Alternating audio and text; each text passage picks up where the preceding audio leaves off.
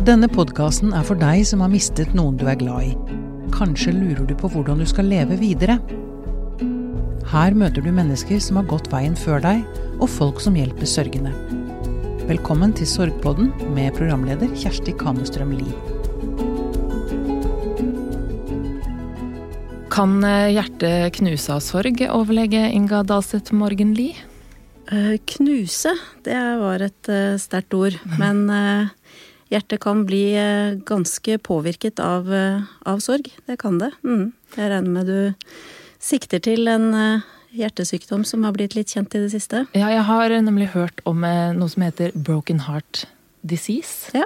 Da høres det ut som at hjertet skal knuse. Ja, og det føles nok sånn. Uh, det du snakker om er takutsubo, som er en eh, stressindusert kardiomyopati. Det var et veldig, veldig vanskelig ord. ja. Eh, kardiomyopati betyr rett og slett at det er en hjertemuskelsykdom. Eh, som eh, kommer i kjølvannet av en voldsom stressreaksjon der kroppen blir eh, bombardert med stresshormoner. Mm.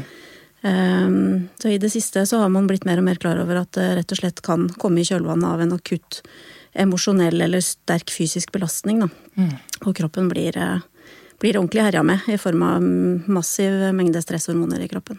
Mm. Takotsubo. Takotsubo. Mm. Takotsubo, ja. Det er det det heter på, på fagspråket. Ja. Eh, og det vi skal eh, snakke om her i Sorgpodden i dag, det er eh, hva som skjer med kroppen når man er i, i sorg. Eh, og da er det jo bra at vi har med en eh, lege fra akuttmedisinsk avdeling på Ullevål sykehus. Eh, men vi har også en annen gjest her i dag, og det er Øystein Lie, som er styreleder i Landsforeningen uventet barnedød. Ja, og det er ikke helt ukjent for deg, dette som, som Inga Inga snakker om her? Nei, det er sant. Ehm, dette med sorg og hvordan det påvirker kroppen, det har jeg kjent på kroppen sjøl. Mm. Ehm, min historie i forhold til Landsforeningen uventet barnedød, det er jo at vi mista Amalie i 2004. En lørdag 10. januar.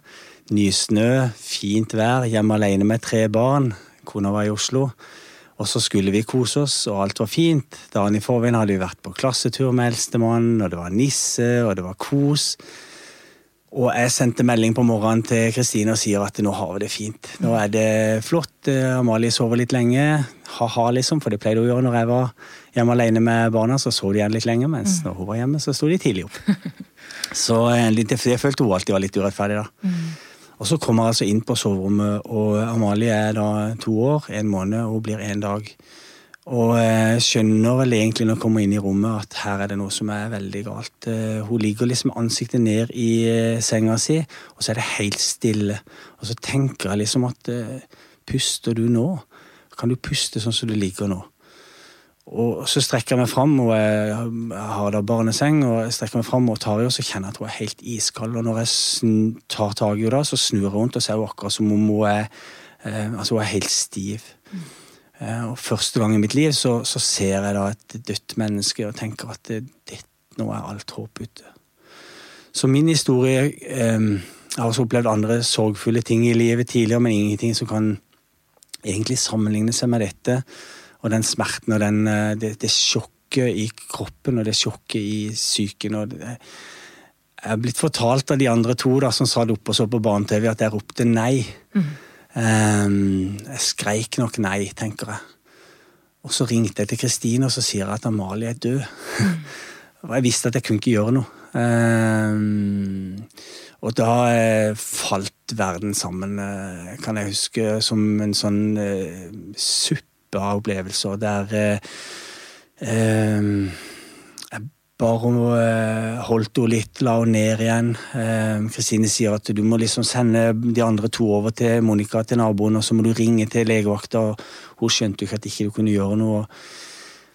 De gikk bort der, og uh, Stakkars Anne Karine, som da var ni år gammel, hun skjønte jo ingenting, så hun kom bort og sier at pappa sa at vi måtte komme bort her, og de var jo liksom bare i pysjen. Klokka var halv ni-ni på morgenen i kveld. og så og så sier de liksom at uh, Ja, hva, hvorfor det, da? Nei, Amalie har noe snørr på kinnet. Mm.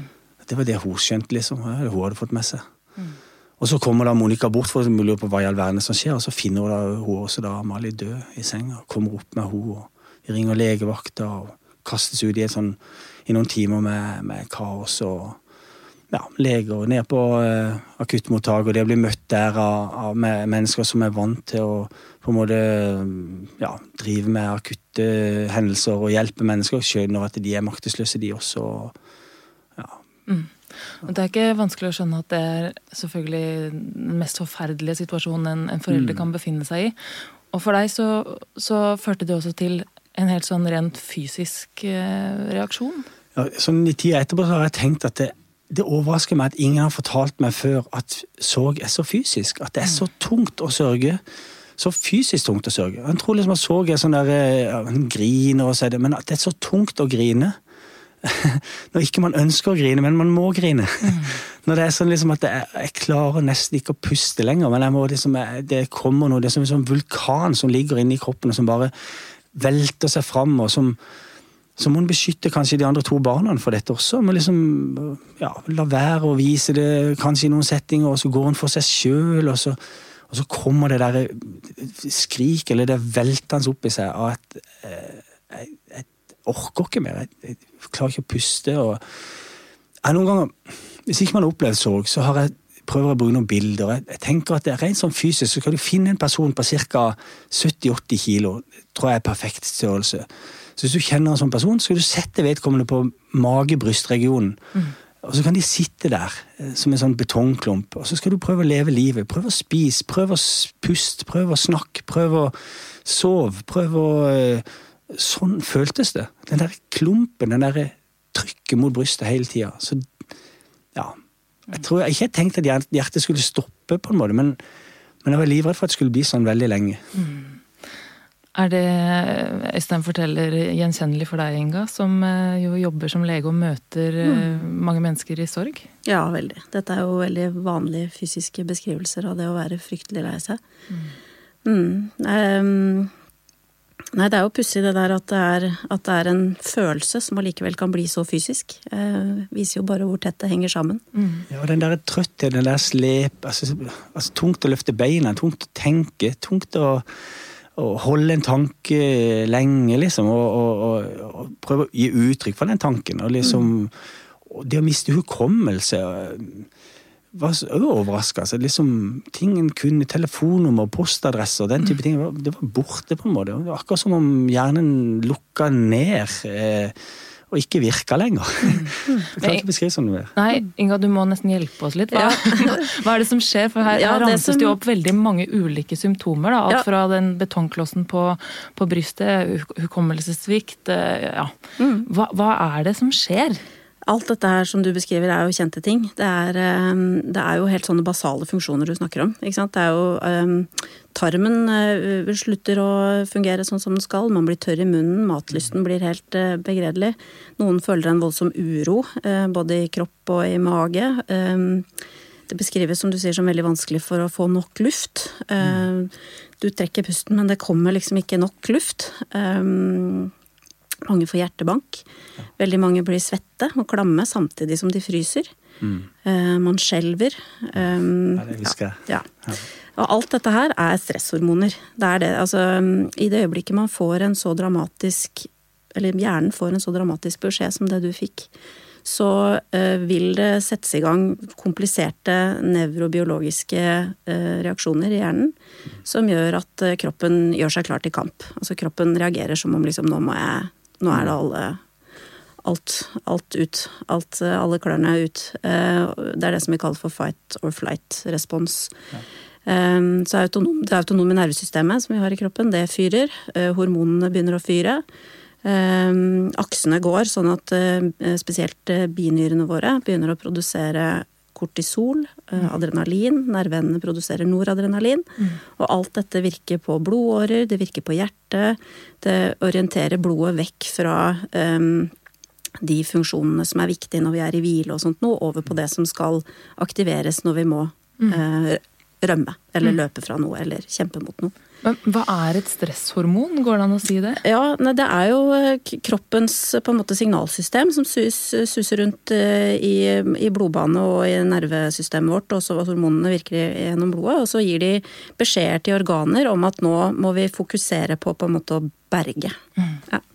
Så det er, en, det er en, på en måte en fornuftig respons, egentlig. Men det er bare det at i det tilfellet her så har den jo lite for seg. Mm. Altså, ja, for, for blir det som sånn, Jeg kan huske at jeg, jeg tenkte etterpå at jeg, må, jeg var fullstendig irrasjonell. Ja. Altså, jeg vet ikke om det er vanlig, men um, jeg var da som sagt alene med tre barn i huset, og så, og så kommer ambulansen, og de skjønner jo at det er ikke noe vits i med blålys og sånn, så de rydder liksom nabolaget. Det er jo klart for spennende at det kommer en ambulanse, og de rydder det, jeg bærer Amalie ut i i, i, bilen og, og sitter meg opp på fanget, og så får jeg en tekstmelding fra noen venner, og så, så, svarer jeg på tekstmelding. Jeg svarer at nei, vi kan ikke komme der og skjønne Amalie er død. Mm. Jeg tenker liksom sånn, hva, hva, må de ha trodd? Altså, det var sånn helt på sida av meg sjøl, følte jeg var. Helt eh, Som om jeg var til stede, men allikevel overhodet ikke var til stede. Og i den, i den, eh, helt mest akutte fasen som det du beskriver nå, det er jo et traume. Det du ja. beskriver nå. Det er et skikkelig traume. Et av de voldsomme, mest voldsomme traumene man kan eksponeres for, tenker jeg. Mm. Um, og det, det, man ser da, er at eh, de, de, de, virkelig skyter fram, altså sånne, som jeg sier, disse stresshormonene. Mm. Og så er det um, Det rare er at det vi, det vi, plukker opp Altså, noen får helt ekstremt god hukommelse, og noen blir helt blanke. Mm. Um, det med at man mister hukommelse, det kommer på sikt. Det blir At man rett og slett blir, får dårligere hukommelse og blir litt ukonsentrert og sånn, det kommer gjerne litt på sikt. Fordi mm. da har um, stresshormonene virka en stund oppi, oppi hjernen, og det er, det er ikke bra for, for, hukommelsen. Det er ikke bra for de delene av hjernen som håndterer hukommelse. Mm. Så stress, altså sorg mm. er en stressreaksjon. Det er jo liksom det man ja. behandler det som, da. Og det, ja. Men er det sånn at alle som opplever sorg, også kjenner det fysisk eh, på kroppen? En, en, på en, jeg tror man gjør det i større eller mindre grad. Jeg tror ja. ikke alle har altså Det er definitivt ikke det er en veldig individuell respons. Mm. Altså noen, noen, noen, har en respons der de fyrer veldig og blir veldig sånn urolig i kroppen og veldig eh, Det som vi kaller for sympatikus. Mm. Eh, eh, påvirka, mens andre blir, som du sier, helt, altså du blir helt passiv. og helt, Du orker liksom ikke å løfte en finger, og kroppen er helt tømmerstokk. Og, så dette er jo en kjempeindividuell eh, respons. ikke sant? Og alt fra helt, eh, helt, eh, normalt og til veldig veldig lite hensiktsmessig og ganske sånn patologisk form for reaksjon. da. Men eh, sorg er mye. Mye forskjellig. Du hadde jo en lang eh, liste over ulike typer symptomer, eller hva man skal kalle det. Mm. Men, men, hva er de aller mest vanlige å oppleve? Um, det vet jeg ikke om jeg har noe sånn eksakt svar på, men det jeg får inntrykk av at folk beskriver til meg da, når jeg, når jeg snakker med folk som er i sorg, så er det, så er det at de eh, får dårlig matlyst. Mm. Man blir, spesielt at man blir sånn munntørr og sånn alt liksom bare Det er ikke noe som smaker, man har ikke noe lyst på noen ting. Mm. Eh, og så er det at man får eh, eh, Altså at hjerte- og blodårer affiseres, sånn at du får at du blir klam og varm og mm. svett og sånn, og får hjertebank. Jeg husker pust, spesielt godt det der med, med matlyst. Jeg har lyst til å skryte av min søster. Jeg har verdens flotteste søster. Hun eh, tok eh, fri fra jobb, ble sykemeldt faktisk. på, vet ikke hvordan hun fikk det til, men hun fikk iallfall det til. Og var hjemme hos oss hver eneste dag. Mm. Kom hjem på morgenen og var der utover dagen, og gikk hjem igjen på kvelden håndterte blomster. Men noe av det hun håndterte, det var nå må dere spise. Mm. Nå har jeg lagd mat. Og det smakte papp alt sammen. Mm. Det var papp i forskjellige form, ikke i smak. Mm. Eh, papp med brunsaus, papp med majones på. Det var. Alt var papp. Og det hadde ingenting med, med hvor god er til å lage mat å gjøre? Det var, nydelig, det var, sikkert nydelig mat, men, men, men det smakte papp. Altså. Det var, og det var mange dager, altså. hvor det mm. Samme med, med søvn og, og, nesten sånne der, eh, ting som en tror går helt av seg sjøl. At en liksom husker at nå må du gå på do. Liksom, altså. Men mm. tiltaket på rett og slett å, å få gjort det og, og bare suse rundt, liksom. Mm.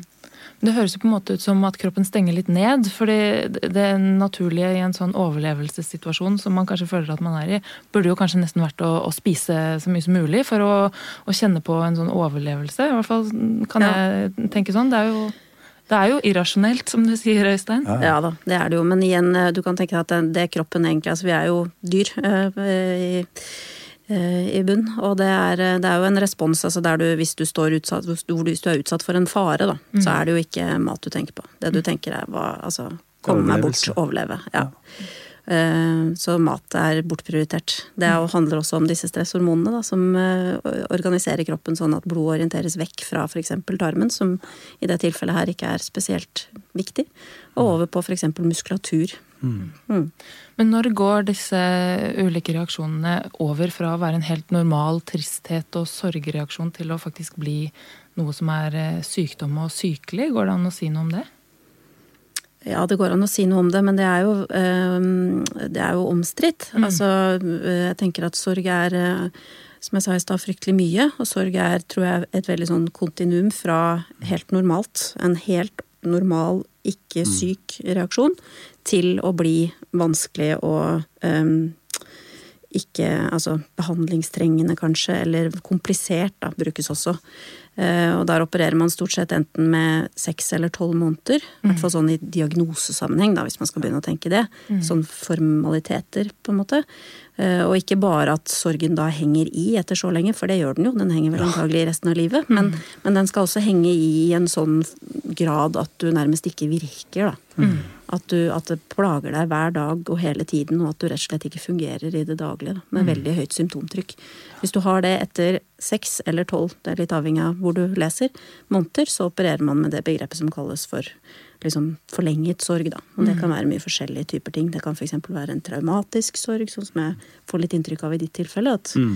selve uh, hendelsen er såpass traumatisk at du at den er vanskelig å legge fra seg mm. av den grunn. Altså at man får, kan få mye vonde bilder, og mm. du beskriver jo veldig levende akkurat den situasjonen som skjedde. Altså det, der, det der at man har Akkurat som en sånn film. Jeg pleier å si at De første dagene så var det som det var en film som snurra i hodet mm. hele tida. Og jeg, jeg, jeg fant verken play eller stopp eller pause eller noen ting. Han bare kom. Han kunne komme absolutt når ikke det passa seg. Jeg kunne kjøre bil, jeg måtte bare parkere. Mm. Eh, det var de første dagene og ukene. Og den der følelsen som var så god etterpå, når når jeg kunne finne pauseknappen mm. og si at vet, nå passer det ikke, nå tar vi en pause fra det. Mm, mm. Det kom etter noen uker, og det, var, det, å få tilbake noe av denne kontrollen, det var viktig. Det var deilig. Ja. Mm. Og så tenkte jeg litt på noe av det som du sa i stad, med, med, dette med um, kroppslige reaksjoner. Jeg har jo møtt noen, kanskje spesielt menn, hvis en skal være litt stereotyp, da, som uh, i den akutte fasen ikke har så mange reaksjoner, men som når det går litt tid, og man gjerne er tilbake igjen i arbeid og tilsynelatende begynner å virke i hverdagslivet, så kommer en del somatiske plager. Mm. Vondt i ryggen, vondt i nakke, vondt i skuldrene, vondt i et eller annet. som på en måte som nok ligger, altså Kroppen forteller oss jo noe, tenker jeg, mm. eh, om at eh, her, det, her, har du et behov. Og jeg tror på, veldig på at hvis man ignorerer det behovet, så forteller kroppen at eh, nei, det nytter ikke. Mm. bare, bare, prøv det. Du mm. får et eller annet som, som, som dukker opp. og og gir beskjed om at det her må du ta hensyn til deg sjøl, tenker jeg. Men er det noe i det at det er en forskjell mellom eh, hvordan menn og kvinner reagerer sånn fysisk? Ja, det er det nok. Ehm, det vi ser på, på ehm, Ja, blir litt dyster eh, framstilling av det, men det vi ser på, på eh, i etterkant av, av sorgreaksjoner, så ser man at det er veldig forskjell i Um, uh, altså, um, en sorg, sorgreaksjon vil øke sannsynligheten for at man selv blir syk. Mm. Uh, og den er mer uttalt hos mødre enn hos fedre. Reagerer man også forskjellig avhengig av hvor gammel man er? Alder? Jeg har ikke sett noe tall eller noe forskning på det, men det vil jeg jo tro. Det jeg i hvert fall tenker er at man reagerer veldig forskjellig avhengig av på en måte hva slags modus man selv er i. Altså mm. er man uh, uthvilt, frisk, har det bra, uh, så er man bedre rusta enn det man er hvis man er på en måte syk selv, eller at noe annet er galt. det er også veldig stor forskjell på hvordan man reagerer, om det er en litt mer forventa sak, eller om mm. det er en helt uventa ting som skjer. så det er veldig mye som spiller inn i forhold til hva slags respons man har på sorgen. Altså, mm. Og selvfølgelig personlighet, altså hvem man er mm. i utgangspunktet. Du sa det jo selv, Inga, at det ble, jo, ble ganske dystert, men de fleste av de symptomene som blir nevnt her, er jo sånn i utgangspunktet helt ufarlige ting. Og jeg har også hørt eh, fra noen at man f.eks. kan eh, oppleve å få, få, grått hår av sorg. Det er jo også en, en helt ufarlig ting. Det er jo mm. interessant at det, eh, det, er en sånn fysisk reaksjon eh, på å være lei seg. Har du hørt om det? Eh, det, det, spekuleres jo i det. Eh, det er jo noen som påstår at man kan få grått hår nærmest over natta. Det er beskrevet noen underlige tilfeller av det opp gjennom historien, men vi tror vel ikke det. Mm. Altså at man kan få grått hår eh, av dette. Men Det er to teorier på det òg. Det ene er jo det at man kan Det, kan, altså det vi vet, da, det, kan, det, er at man kan i noen tilfeller miste en del hår. Mm. Og det er en kjent tilstand som, som kan øke, spesielt fordi altså, sorg, en sorgprosess vil påvirke immunforsvaret ditt. Mm. Det kan få disponerte, så kan det akselerere en del autoimmune sykdommer, og det med hårtap kan være autoimmunt betinga. Mm. Og da kan man jo se for seg at man kan miste f.eks. Ens, altså ens normalfargede hår, mens det grå er igjen. Det er en tanke som mm. har, eh, er blitt beskrevet. Jeg tror jeg er arvelig grått hår. Ja, og det er det vanligste. ikke sant? Det er også noen som hevder altså melanin, som er liksom den, eh, den um, fargen, eller den, det som gir hår, den hårfargen du har, mm. det eh, sies også at kanskje det kan bli litt redusert da, når man er i en sånn stress situasjon. Så, så kanskje. Men Jeg leser en artikkel om, om, eh, som vel handla om eh, sorg og, for, eh, og knytta opp mot brystkreft, f.eks. At det mm. var en overhyppighet knytta mm. til det. Vet du noe mer om det? Jeg, vet at det, det, sorg, som jeg sa i stad, påvirker immunforsvaret ditt veldig. Ja. Kreft er jo en tilstand som um, uh, altså som, som, du blir mer disponert for med et dårlig immunforsvar. Ja. Um, og, og, hvis du går med sorg over tid, stress over tid, så vil du bli påvirka eh, også immunologisk. Altså at immunforsvaret ditt blir dårlig. Det kan en du merka selv. Man blir en ja. magnet på alt som er ja, infeksjoner. Hvis ja. det var et av barna som kom hjem og var litt snufsete, så blir man forkjøla. Altså det Ja, man blir eh, jeg hadde en sånn teori om at uh, sorgen min den, den forsterka det som allerede var der fra før, på et vis. Altså, uh, det, det, forholdet vi hadde i ekteskapet akkurat da, det var veldig bra. Og i sorgen så fant vi mer sammen. Uh, fysikken var grei, og jeg fikk behov for å trene, f.eks. Altså, det, det ble løsninga mi. Eh, på samme måte så har jeg møtt mennesker som sier det motsatte. Altså at eh, man blir mer passiv, eller det forsterker det som allerede var der. Mm, mm. Så eh. Hva anbefaler dere da, du som er lege Inga? Mm. Hva skal man gjøre når man er i en så sårbar situasjon og kroppen streiker? Og, eller hvordan skal man kanskje forebygge det? Mm. Hva anbefaler dere? Nei, jeg, jeg, tenker jo Når du sier trening, så tenker jeg jo at det, det høres Eller det er selvfølgelig en veldig positiv ting. Eh, det, da tenker ikke jeg nødvendigvis at man må legge ut på sånne um, sykle Trondheim-Oslo-varianter. Men, men, det er selvfølgelig også sikkert løsning for noen. Men, men, det å være fysisk aktiv, det å være i mm. bevegelse, være i fysisk god form, det er jo kjempegunstig uansett. Mm. Um, det er masse gode ting ved seg. Altså det kroppen ruster seg til, er jo, er jo en, en, en, form for ganske ekstrem fysisk aktivitet. Altså kroppen mm. gjør seg egentlig klar til å, til å kjempe. Uh, og hvis du da løper, så vil jo veldig mange av de tingene liksom det vil bli brukt på en mer hensiktsmessig måte. Da. Mm. De, hvis du, hvis du um, som jeg sa i stad, kroppen uh, organiserer seg sånn at uh, f.eks. mesteparten av blodet går til muskulatur, uh, luftbehovet ditt øker, hjertefrekvensen din øker, blodsukkeret ditt øker. Alt gjør at kroppen gjør seg klar for en skikkelig økt. Mm. Men så får den jo ofte ikke det. ikke sant? Man mm. ender jo ofte opp med å, å ikke gjøre det fordi ja. man ikke klarer og ikke orker og ikke får til og ikke kan. Mm. Men hvis man da får til en, en skikkelig tur, ikke, om ikke nødvendigvis løpe, løpe langt og fort, men, men bare det å røre seg, være i fysisk aktivitet, så har jeg veldig tro på at det er en god ting for kroppen. Mm. Det er ikke alle som uh, klarer å mobilisere til det, nei? Nei, det er nok ikke. Jeg pleier å si at uh, de tre første årene etterpå, så har jeg nok i hvert fall det tredje året der, så har jeg nok aldri vært i bedre fysisk form og dårligere psykisk form. For det overrasker meg så voldsomt at dette skulle ta så lang tid. Å være lei seg så lenge. Uh, at det skulle komme igjen liksom rundt, ikke bare merke da, men i tida før og tida etter, hvordan det fysisk satte kroppen min i ny sånn alarmberedskap. Hun hadde ikke eller det bursdag 9. desember, så kommer jul, så kommer nyttår. Det er jo ingenting å feire. Og Så mm. dødsdagen 10. januar. Det var så mye som klumpa seg sammen der på høst og vår. Um, og jeg pleier å si at jeg, For meg så var det sykling, da. Så Jeg litt, jeg, jeg har aldri sykla Trondheim-Oslo, men jeg sykla Kristiansand-Hovden. ja, som er et løp. Ja, ja, det er langt nok, det. Og persen min var da det tredje året der. og da jeg har hatt noen turer alene sånn i indre Agder på skogsbilveier sånn sene ettermiddagskvelder. der jeg, Når det kommer en motbakke i og bare kjenner den der gleden der over å reise seg fra sykkelsetet og ta ut sin forbannelse og irritasjon og sinne. Jeg har brølt. Er det heldigvis bare elg og rådyr som har hørt meg, tror jeg. Jeg har ikke blitt innlagt. Men jeg hadde noen turer der jeg tenkte nå holder du på å tippe, liksom. sånn, Nå er det rett før det liksom slår rundt for deg. Men samtidig var det litt den der å kjenne at det det var smertefullt i beina og på en naturlig og god måte. Mm. Det var vondt, liksom. Litt sånn som jeg kan tenke at når en hører om folk som har drevet med selvskading eller lignende, at man på en måte Det å pine seg sjøl fysisk, det gjorde noe godt psykisk. Jeg tenker at du beskriver Det er jo mange ting, da. Jeg tenker, hører, hører jo at det er godt, på en måte, mm. å få lov til å brøle og være Kristine hadde ja. vaskerommet. Ja, Mens vaskemaskinen gikk og ja. tørketrommelen holdt på, så kunne hun si de ordene som ikke hun kunne si når vi andre var til stede.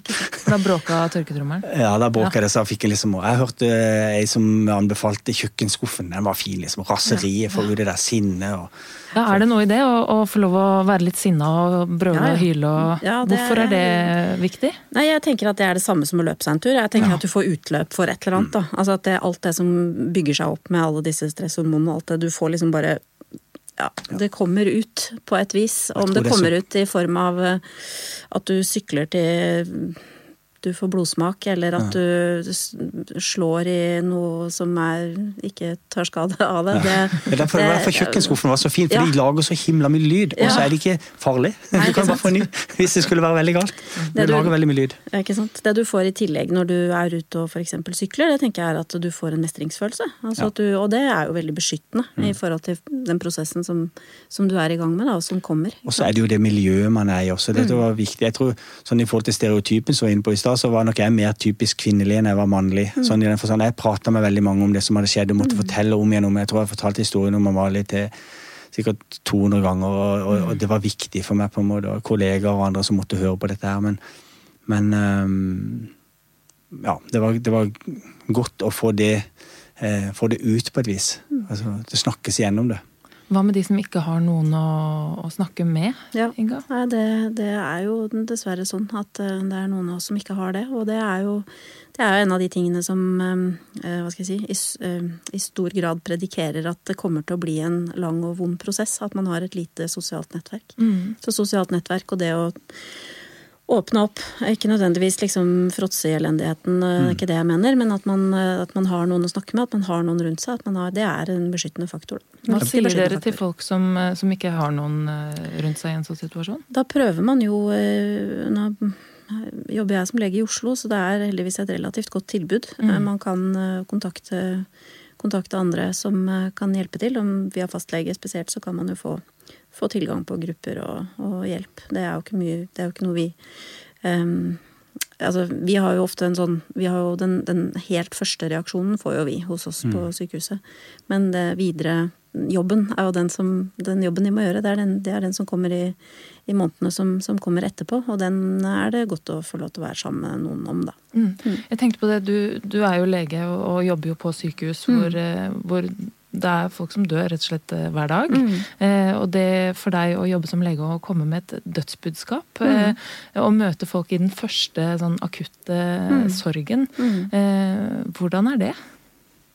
Jeg syns jo Det høres jo sikkert rart ut, men eh, det er på sett og vis utrolig flott å få lov til å eh, se hvor sterke folk er, da. Mm. Altså hvor det er vondt og vanskelig å si det, og jeg gruer meg jo hver gang. Eh, og så får jeg ofte, veldig, veldig ofte, så blir jeg veldig eh, slått over hvor sterke vi egentlig er, da. Altså at eh, man klarer å Det skjer veldig mye fint altså i, i, i en sånn prosess eh, ofte. Eh, av og til så er det bare vondt og vanskelig, selvfølgelig er det det. Men, mm. men veldig ofte så, så, kommer det kanskje noen andre pårørende inn, og så ser man hvordan samspillet dem er imellom. Du får lov til å se litt den siste responsen eh, en, en, en, pårørende har til en gammel mor eller hvem det er som har gått bort. Og det er jo det, det, kommer noen tårer, altså. Det er, mm, det er ganske sterke, sterke, og veldig, av og til veldig flotte opplevelser. Av og til selvfølgelig forferdelig vondt. Mm. Mm. Er det noe man lærer mye om på medisinstudiet? Hvordan man skal møte ja, folk i, i, sorg? Jeg syns egentlig at vi eh, Altså, nå er det noen år siden jeg studerte, men, eh, men vi har en del kommunikasjon. Um, og vi snakker jo litt om det som du Altså det der med Tenkte jeg på det, jeg var på vei hit, at det med å det med å gi en uh, trist og vond beskjed, og så det, det, gjelder jo ikke bare altså et dødsbudskap, men det gjelder jo også hvis du må gi en tøff beskjed om at man er alvorlig syk, f.eks., eller sånne Alt dette som kan være med på å, gi eh, stressrespons hos, eh, hos, pasienten eller hos en pårørende, mm. så må du gjerne gjenta ting. Altså du må gjenta og gjenta og gjenta, og de tror de, de, ser ut som de har tatt inn ting, og så har de slett ikke det. Og det er jo åpenbart at de, de minnene man har fra den situasjonen man var i som var veldig traumatisk, når de fikk en vond beskjed eller fikk en det, de, de, de, stemmer ikke med, med, virkeligheten. Det er veldig ofte veldig plukka opp veldig rare ting. Altså Man kan ha plukka opp fargen på veggen, liksom, men ikke hva som faktisk ble sagt. og ja, Veldig... Lukter og ja, ja, eh, hårfarge til legen ja. og sykepleierne som uh, har hatt kontakt med etter også. Altså, innsida i den ambulansen jeg satt i, setet jeg satt i. Uh, sånne ting som en bare Ja, det tror jeg kommer til å sitte i veldig, veldig lang tid. Mm. Og det er, det er jo en, sånn, det er en kjent respons at de, de, de minnene man har fra akkurat de, liksom, de sekundene eller de minuttene, det er veldig sånn selektivt Eh, fragmentert, uh, unyansert. Veldig rart, det som tas inn. Det er veldig tilfeldig hva som tas inn, og hva som overhodet ikke tas igjen. Sånn, I forhold til respons til omgivelsene, så har jeg sånn, hadde jeg sånn uttrykk som jeg fikk eh, overlevert, og som jeg ofte bruker videre. det Jeg, sier, jeg brukte litt sånn økonomitermer, mm. og sa at det er bedre å ta ting cash kontant nå. Da alle skjønner at ting er forferdelig vondt, enn å ta dette på avbetaling når ingen helt skjønner hvorfor du har det vondt. Og det tror jeg litt på, at sånn, i den akutte fasen, det å tørre å by litt på seg sjøl om at nå er det vondt og vanskelig, det skjønner folk da. Men når folk kommer to, tre, fire, fem år etterpå og har det veldig vanskelig fordi man kanskje har unngått ting, er mye vanskelig for omgivelsene til å forstå. Mm. Og sånn I relasjoner så syns jeg kanskje det er det vanskeligste. At eh, pårørende, andre altså kollegaer og sånn har mindre forståelse når det har gått tre år. For meg var det store sjokket at jeg kjente på mye av de samme følelsene tre år etterpå. Mm. Fire år etterpå begynte det å bli litt bedre, og fem og seks og syv så blir det gradvis litt bedre. Så i dag, så mange år etterpå, så, så lever det mer som et sånn dunkelt minne som jeg kan hente fram hvis jeg vil. Men, øh, men at det Ja. For, tør å snakke om det med en gang. Mm. Vi snakker jo om her i dag eh, hva som skjer med kroppen i sorg. Eh, og Øystein, du har også vært opptatt av dette med å, eh, det å miste et barn, og det å da begynne å snakke om det å kanskje få et nytt barn. Det også er jo en veldig fysisk, kroppslig prosess, hvor man må ha mange ting. Det involverer jo kroppen til to ja. mennesker at det skal bli et barn. Og ja. For mange er det i seg selv et ny traume. Hvordan i verden skal få dette til. Vi har ikke lyst, vi, har ikke, men vi, vi føler ikke at vi skal erstatte et barn heller, men så samtidig så ja, vi skal jo på en måte det. Vi skal gjerne ikke gi oss med det dette skal ikke være vår historie i kveld. Det å bli gravid igjen, vet at veldig mange bare det selve det å, å bli gravid er vanskelig for mange. Og mm. så når de blir gravid, så blir det enda vanskeligere. Kanskje spesielt hvis tapshistorien er at man har mista i magen tidligere. Så blir det liksom det en sånn ny ting som blir eh, veldig vondt. Altså, tør man glede seg? Når tør man glede seg? Og så er det noen av disse som har mista i magen, for eksempel, opplever at de, så treffer de sånn noen som meg, opplever at jeg har mista en toåring, og så ble det oi, nå ble det jo skummelt i kveld. Altså, det ble plutselig skummelt. Alt ble skummelt. Så vi, blir veldig, vi kan jo bli veldig overbeskyttende rundt det hele, da. Mm. Hva tenker du om det, Inga? Den prosessen der, eh, hvordan det er mm. for kroppen? Det, det sitter, Nei, ja, ja. Om det sitter fast? Mm. Nei, jeg, jeg, tenker i hvert fall sånn medisinsk sett så jeg jo, tenker jeg at det er, ingen, det er ingen grunn til ikke å få mm. et nytt barn. Og jeg tenker at uh, hvis det ikke er noe um, altså Selvfølgelig hvis det er en fysisk komplikasjon som har gjort at barnet ble uh, Om det døde i magen, eller om det døde etterpå, eller rett etter, eller hvordan det var. altså Sånne ting må man jo selvfølgelig ta hensyn til. At det skal være i orden. Hvis det er en infeksjon, så må den behandles. altså Sånne type ting. Mm. Men så fremt det der er i orden, så tenker jeg at hvis man er fysisk og mentalt um, restituert da, og klar, så er det vel eh, bare en veldig positiv ting, tenker jeg. Mm. Fordi det er jo en del av en sånn Det blir en sånn nyorienteringsfase, tenker jeg. Mm. tenker at eh, så, så, fremt man klarer å fri seg litt fra den der vi må erstatte det. For det tenker jeg jo at eh, det kan ikke bare være det. Altså fordi det åpenbart at det kan det ikke. Det, kommer det aldri til å gjøre. Nei. Men det kan jo være med på å flytte fokus over mm. på liksom nytt liv, en ny ja. En ny ting. Det er jo en god, det er en god prosess, tenker jeg. Fylle opp det fysiske. Ja, det å plutselig ja. ha tre barn igjen i baksetet, eller det å ha eh, alle rundt middagsbordet, eller altså det, Men det kan aldri erstatte. Nei, det erstatter jo selvfølgelig ikke. Men, men, jeg tenker at det er en Hvis man klarer å tenke i de baner, så tenker jeg at det kan være et, et tegn på at man begynner å komme over i en fase man, hvor man begynner å tenke framover. Og det er veldig bra. Ja, det er det jo klart. Mm. Hvordan var det for dere? Ja, Vi hadde bestemt oss at vi ikke skulle, altså Amalie var sistemann hos oss, og vi hadde ordna at det skulle ikke komme flere. Så vi eh, hadde en lang runde med oss sjøl på hva vi da gjør. Det var uaktuelt å bli gravid igjen. Så for oss så ble det adopsjon som etter hvert da ble løsninga. Mm. Så vi har reist til Kina og henta en liten kinaputt. Så en nydelig lita jente. Um, lang prosess. Veldig langt svangerskap. Så det, det, ja, det skal en være litt forsiktig med å anbefale alle andre som en løsning. For det, og det har blitt lengre nå, da. Så men eh, ja. Mm. Vi, vi, hadde nok et behov for det å være en hel familie igjen, på et vis. Mm. Ja. Hoppe litt til en helt uh, annen ting igjen, som vi har vært inne på tidligere, Inga. Uh, siden vi jo faktisk uh, snakker om kroppen, og den er så mangt. Mm. så snakka vi tidligere om dette at matlysten ja. kan forsvinne. hva skal man gjøre da? Hva skal man spise i en sånn prosess? Hvordan kan man klare å trykke i seg den næringa man faktisk trenger? Jeg, ja, det er jo eh, også eh, forferdelig individuelt. Da. Man må jo prøve å finne ut eh, om det er noe som helst som frister. Og det jeg tenker om det, er at jeg tror kroppen er i en sånn fase hvor det er viktig å ta godt vare på den. Så jeg tenker at hvis man klarer å spise noenlunde sunt, så tror jeg det er, er fornuftig. Og så tenker jeg at man skal spise de tingene som er lett å spise. Altså man skal spise type fruktige ting som det er mye vann i. Man, har, man, er mm. munntørr, og tarmen virker ikke helt som den skal. Jeg ville ha jeg har anbefalt tidligere jordbær, og jeg har hørt, fått, fått, høre det igjen mange ganger at det var et godt tips. Jeg tenker liksom Det som ser godt ut, og som er sunt og fruktig og øh, fuktig. Altså, ja. Mm. Er du glad i jordbær, Øystein? ja, veldig glad i jordbær. Altså, men vi hadde jo folk som kom på døra, for vi, altså, vårt hus så jo ut som en sånn avdeling av Floris etter et par dager. Vi, mm. hadde, vi måtte til naboer og låne Hyggelig. altså Mange kort og alt sånn. Men faktisk så var det også noen som kom med mat. Eh, og gavekort på, eh, på en tur på eh, restaurant. Mm. Og det var sånn, det, Sikkert ikke nå, sa de. Sikkert ikke nå, Men vi vet at snart så, så kunne det være koselig. Og det har vært utrolig hyggelig. og og de har altså, kaker og um, For det kommer folk på besøk, og de vil gjerne ha noe å servere. og du, Vi hadde jo ingen overskudd til å holde på med det, så mm. igjen, det er flott at noen trødde til. Mm. Men uh, ja. Det er et bra tips eh, å gå ut av denne episoden med.